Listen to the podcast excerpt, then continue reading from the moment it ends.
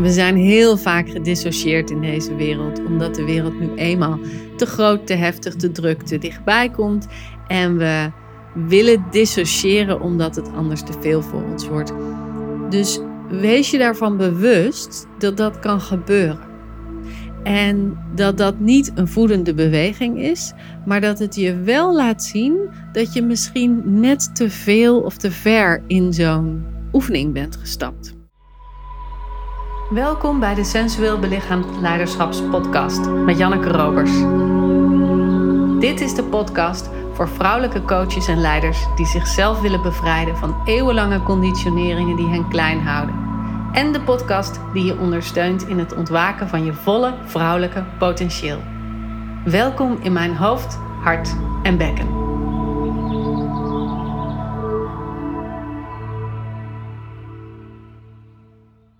Nadat ik de vorige aflevering heb opgenomen, dacht ik aan het woord emotionele flexibiliteit. Het is een woord dat ik ontzettend vaak gebruik in mijn trainingen. En ook iets wat ik probeer op te roepen in de oefeningen die ik met mijn deelnemers doe. Omdat ik denk dat het heel gezond is als we kunnen bewegen van de ene emotie naar de andere emotie. Van het ene gevoel naar het andere gevoel. Zodat we niet meer vastzitten in een bepaald patroon wat we opgebouwd hebben over de afgelopen 20, 30, 40, 50, 60 jaar. Maar dat we de vrijheid hebben om te kunnen kiezen wat we inzetten, wanneer we inzetten en wat we voelen, wanneer we voelen. Zodat we een veel bredere scope aan gevoelens hebben en dus veel meer. Ja, ik kom steeds terug op dat woord levenslust, maar veel meer, veel meer kunnen voelen. En hoe meer we kunnen voelen, hoe meer we de ervaring hebben dat we levend zijn. Dat we voluit leven. Dat alles aanwezig kan zijn. En die emotionele flexibiliteit, die vraagt wel wat. Die vraagt begrip van wat er gebeurt in je lijf. Die vraagt ontkoppeling van een verhaal. En die vraagt oefening met instappen in bepaalde emoties. Dus ik wilde deze aflevering nog wat meer ingaan op dat emotiestuk. En dat is ook belangrijk omdat als ik het heb over sensueel belichaamd zijn, in dat sensuele stuk komt eigenlijk alles wat aan emoties en gevoelens aanwezig is in ons lijf naar boven. En dus is het ook een prachtige manier om te gaan kijken naar hoe jij jezelf geconstrueerd hebt. Bijvoorbeeld, verdriet is een vorm van intimiteit. Angst is een vorm van veilig houden van jou. Boosheid zet grenzen. Disgust, ehm, dat je moet overgeven, dat zorgt ervoor dat je je niet verbindt met dingen die ongezond zijn voor je. En als we dus die gevoelens onderdrukken, dus verdriet, angst, woede, afkeer, als we dat onderdrukken, dan veranderen we als het ware de kwaliteit van die emotie. En dat zorgt er dus voor dat we dus veel moeilijker intiem kunnen zijn met iemand onszelf veilig kunnen houden. Uh, de gezonde dingen tot ons kunnen nemen. Grenzen kunnen stellen. Dat wordt dan veel moeilijker omdat we de kwaliteit van die eerdere emotie hebben veranderd. Dus het is belangrijk dat we zo'n gevoel ik, ik gooi ze nu een beetje door elkaar. Hè? Nog even voor de helderheid. Een gevoel is een ervaring in je lijf. En een emotie is een verhaal dat je geplakt hebt op een gevoel in je lijf. Dus ik heb het over gevoelens. Dat zijn de pure, zuivere dingen. De emoties zijn de veranderingen daarvan. Hè? Die we ervan gemaakt hebben. Dus het is belangrijk dat we die gevoelens in hun eigen waarde kunnen laten. Maar door het leven heen en door de ervaringen die we meemaken, hebben we de neiging om bepaalde dingen weg te zetten en andere dingen meer toe te kunnen laten. En dus gaat je zenuwstelsel ook zo reageren. Bijvoorbeeld angst, dat is een hele mooie. Veel mensen hebben het gevoel dat ze niet angstig zijn. Ze voelen zich niet angstig. Want dat is een hele onprettige, dat is een onprettig gevoel. En het heeft ook heel veel normen en waarden om zich heen hangen. Een bang iemand willen we niet zijn. We willen niet bang zijn om onze stem te laten horen. We willen niet bang zijn om onszelf te laten zien. We willen niet bang zijn om op dat podium te stappen en te vertellen wat we te vertellen hebben. Daar schamen we ons een beetje voor dat we bang kunnen zijn. En dus zal jouw zenuwstelsel, als het in een situatie komt waarin die dat bange gevoel wakker gemaakt wordt, sneller intappen op een ander gevoel en zeggen: Dit is niet bang, nee, dit is boos. Of dit is verdrietig. Of dit is uh, onveilig.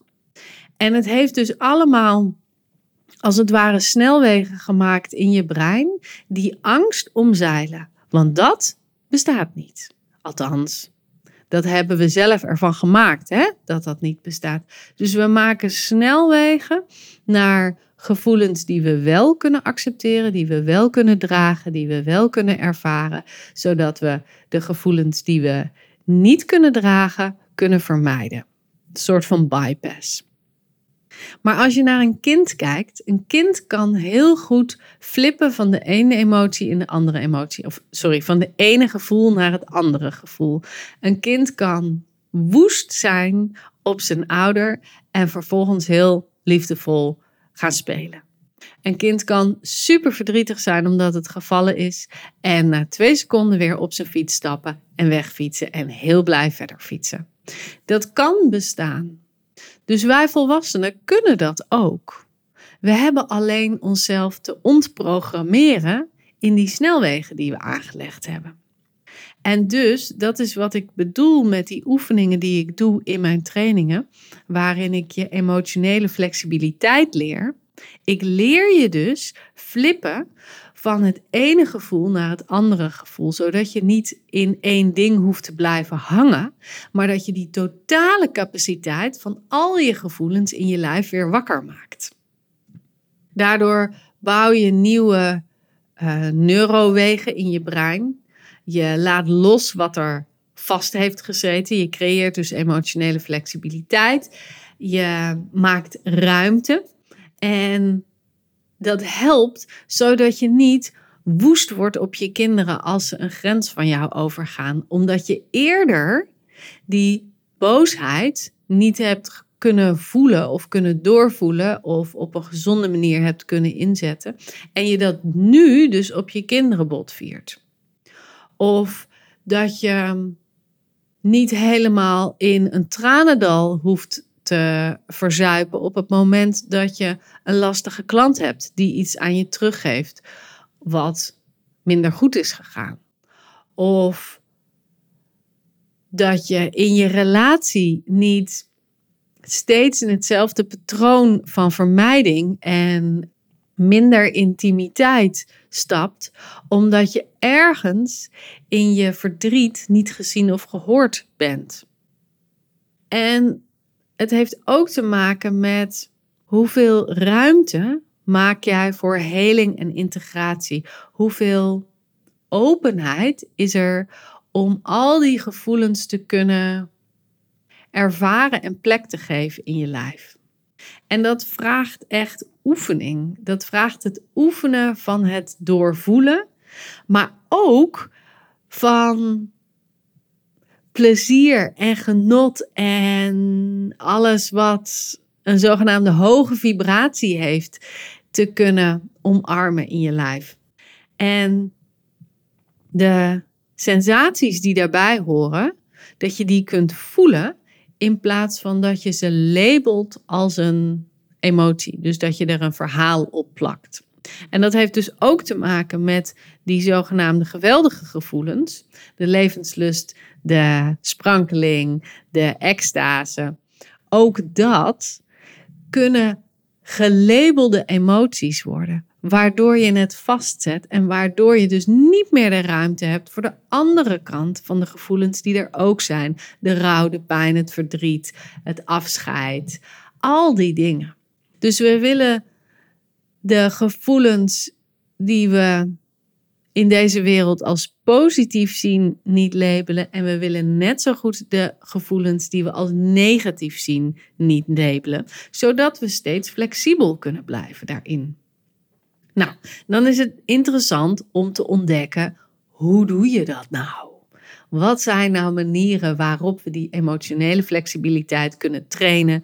Los van dat je natuurlijk een jaar lang bij mij in voluit vrouw zijn kunt stappen en we daar vol in duiken en ik je daar helemaal in begeleid in hoe je jezelf opent voor dat bredere perspectief aan gevoelens, kun je natuurlijk ook zelf dingen doen.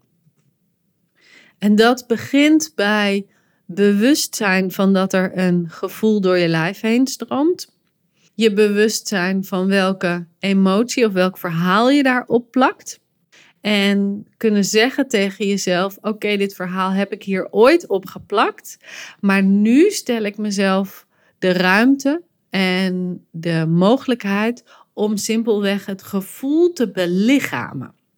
En met mijn lijf de ruimte te geven aan dat gevoel. Dus bijvoorbeeld als je boos bent, om heel erg hard te gaan stampen met je benen op de vloer. Niet om dat gevoel van boosheid groter te maken, niet om dat in een soort van tantrum te brengen of een catharsis. Ik hou er niet zo van om gevoelens te uit te vergroten om het uitvergroten. Dat is volgens mij niet erg helend voor je zenuwstelsel. Je lijf gaat daarvan op slot en heelt dus eigenlijk helemaal niet.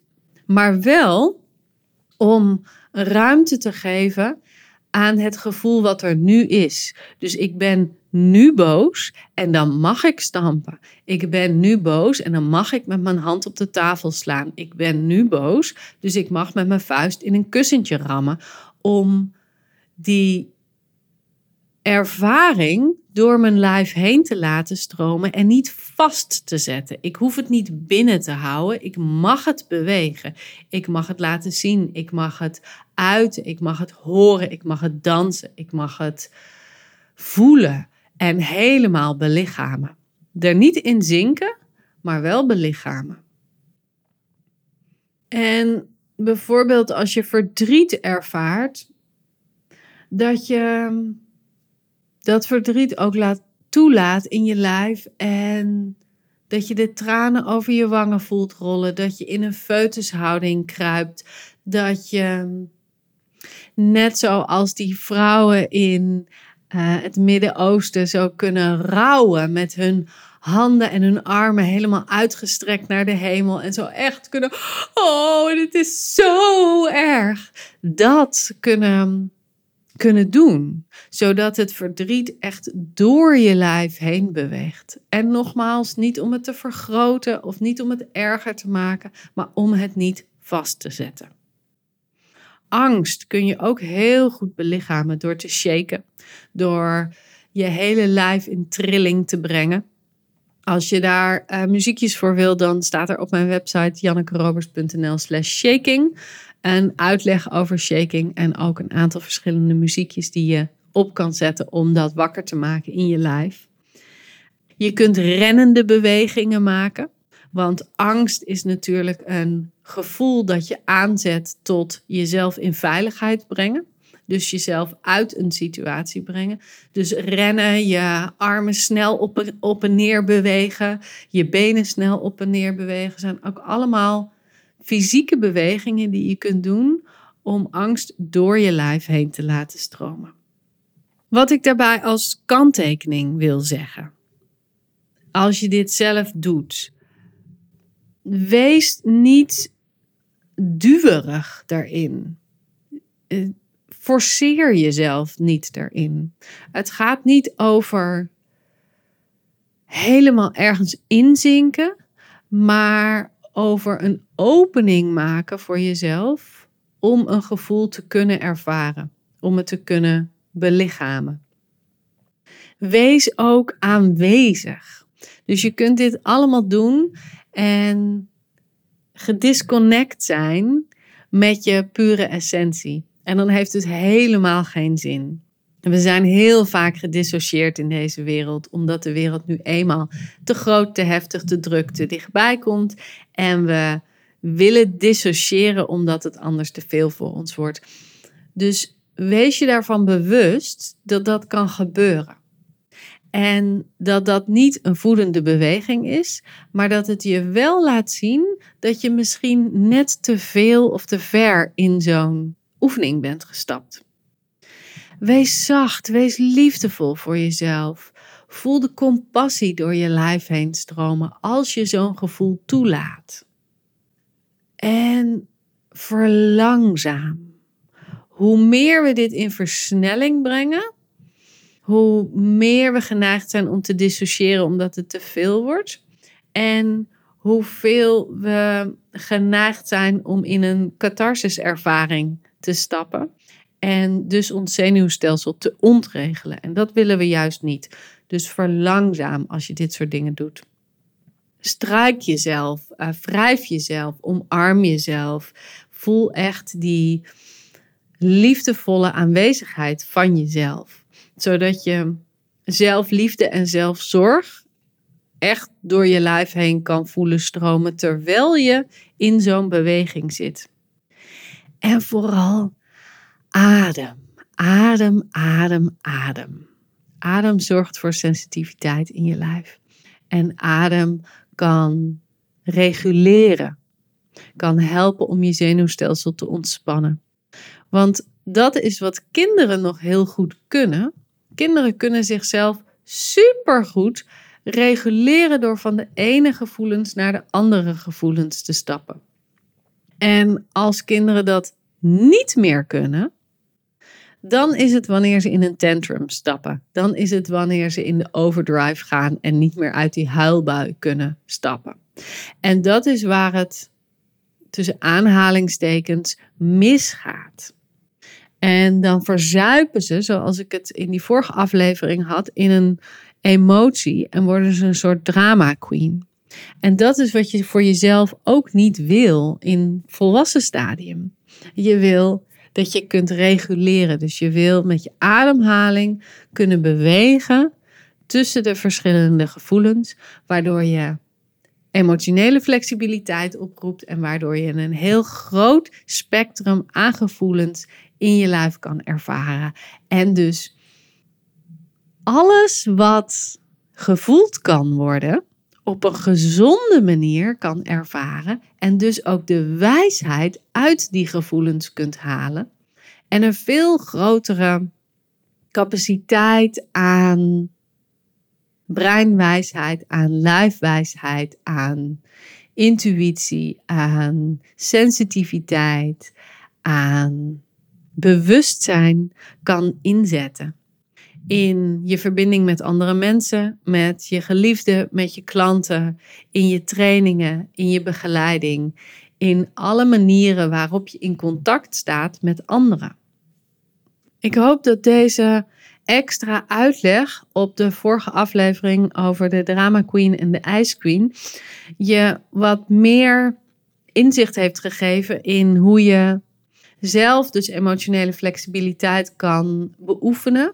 En hoe je dus zelf ook je kan trainen in een breder perspectief voor jezelf maken in je gevoelens. En dus meer in dat midden, in die uitgelijnde vrouw, uit kan komen. Waarin je toe kan laten wat je wilt toelaten. En ehm, ja, de volle capaciteit van je vrouwelijke essentie kunt inzetten.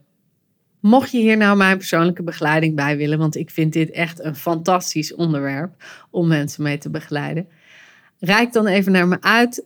Maak een afspraak op mijn website www.jannekerobers.nl en uh, dan zie ik je graag in een Zoom-sessie waarin we samen kijken naar wat zijn nou jouw beschermingsmechanisme? Hoe toont zich dat in je lijf? En wat is de kwaliteit die je daaruit kan halen? En hoe kun jij nog voller jezelf inbrengen in je eigen leven? Zodat je in die hele levenslust kan stappen. En ehm, nou, je bent van harte welkom bij Voluit Vrouw zijn. We starten 7 september. Het is een jaar vol sensueel belichaamd leiderschapswerk waarin ik je meeneem op langere oefeningen. Ik vind oefeningen eigenlijk een raar woord, maar langere rituelen, om het zo maar te zeggen, maar zonder die connotatie die rituelen heeft. Meer eigenlijk een reis. Dat is het beste woord. Een reis. Waarin ik je meeneem op een reis in je lijf. En waarin je superveel gaat voelen en ervaren. En waarin je ook duo-oefeningen doet, groepsoefeningen doet. Om te onderzoeken hoe jij in verbinding staat met jezelf en met de ander. En hoe je daarin meer uitgelijnd vanuit je eigen centrum, vanuit je eigen bekken, vanuit je eigen wijsheid in contact kan treden met de buitenwereld. Zodat binnen en buiten overeenkomen en je veel beter in staat bent om dat te creëren wat jij wil creëren. Want als jouw innerlijk magnetisme aangaat, als jouw innerlijke stroom aangaat, en dat kun je doen door verschillende super praktische dingen. Als die aangaat, gaat de wereld om je heen ook aan. En gaat de wereld op een bepaalde manier resoneren op jou, zoals jij dat uitnodigt. Zoals jij dat inroept, als het ware, in jouw leven. En dat brengt je natuurlijk meer liefde, meer verbinding, meer stevigheid, meer van dat wat jij wil. En uh, nou, dat gun ik iedere vrouw, want ik geloof dat de heling van de wereld begint bij als vrouwen echt gaan opstaan voor hun eigen kwaliteiten en hun eigen wijsheid. Wij zijn degene die het leven geven aan nieuwe mensen, maar ook aan nieuwe dingen en nieuwe projecten en nieuwe ideeën. Wij zijn een creërende bron. En als we in die kracht kunnen gaan staan van die creërende bron, wat kan dan de maatschappij er anders uit gaan zien? Nou, dat gun ik ons allemaal. Ik uh, hoop je bij de volgende aflevering weer te ontmoeten. En uh, voor nu meld je even aan bij uh, iTunes of Spotify op volg deze episodes. Ik kom niet helemaal goed uit mijn woorden, maar klik even op dat knopje waarop je me volgt. Want dan komt de volgende aflevering automatisch in je feed en uh, ben je er daar ook bij. Tot snel, doei doei.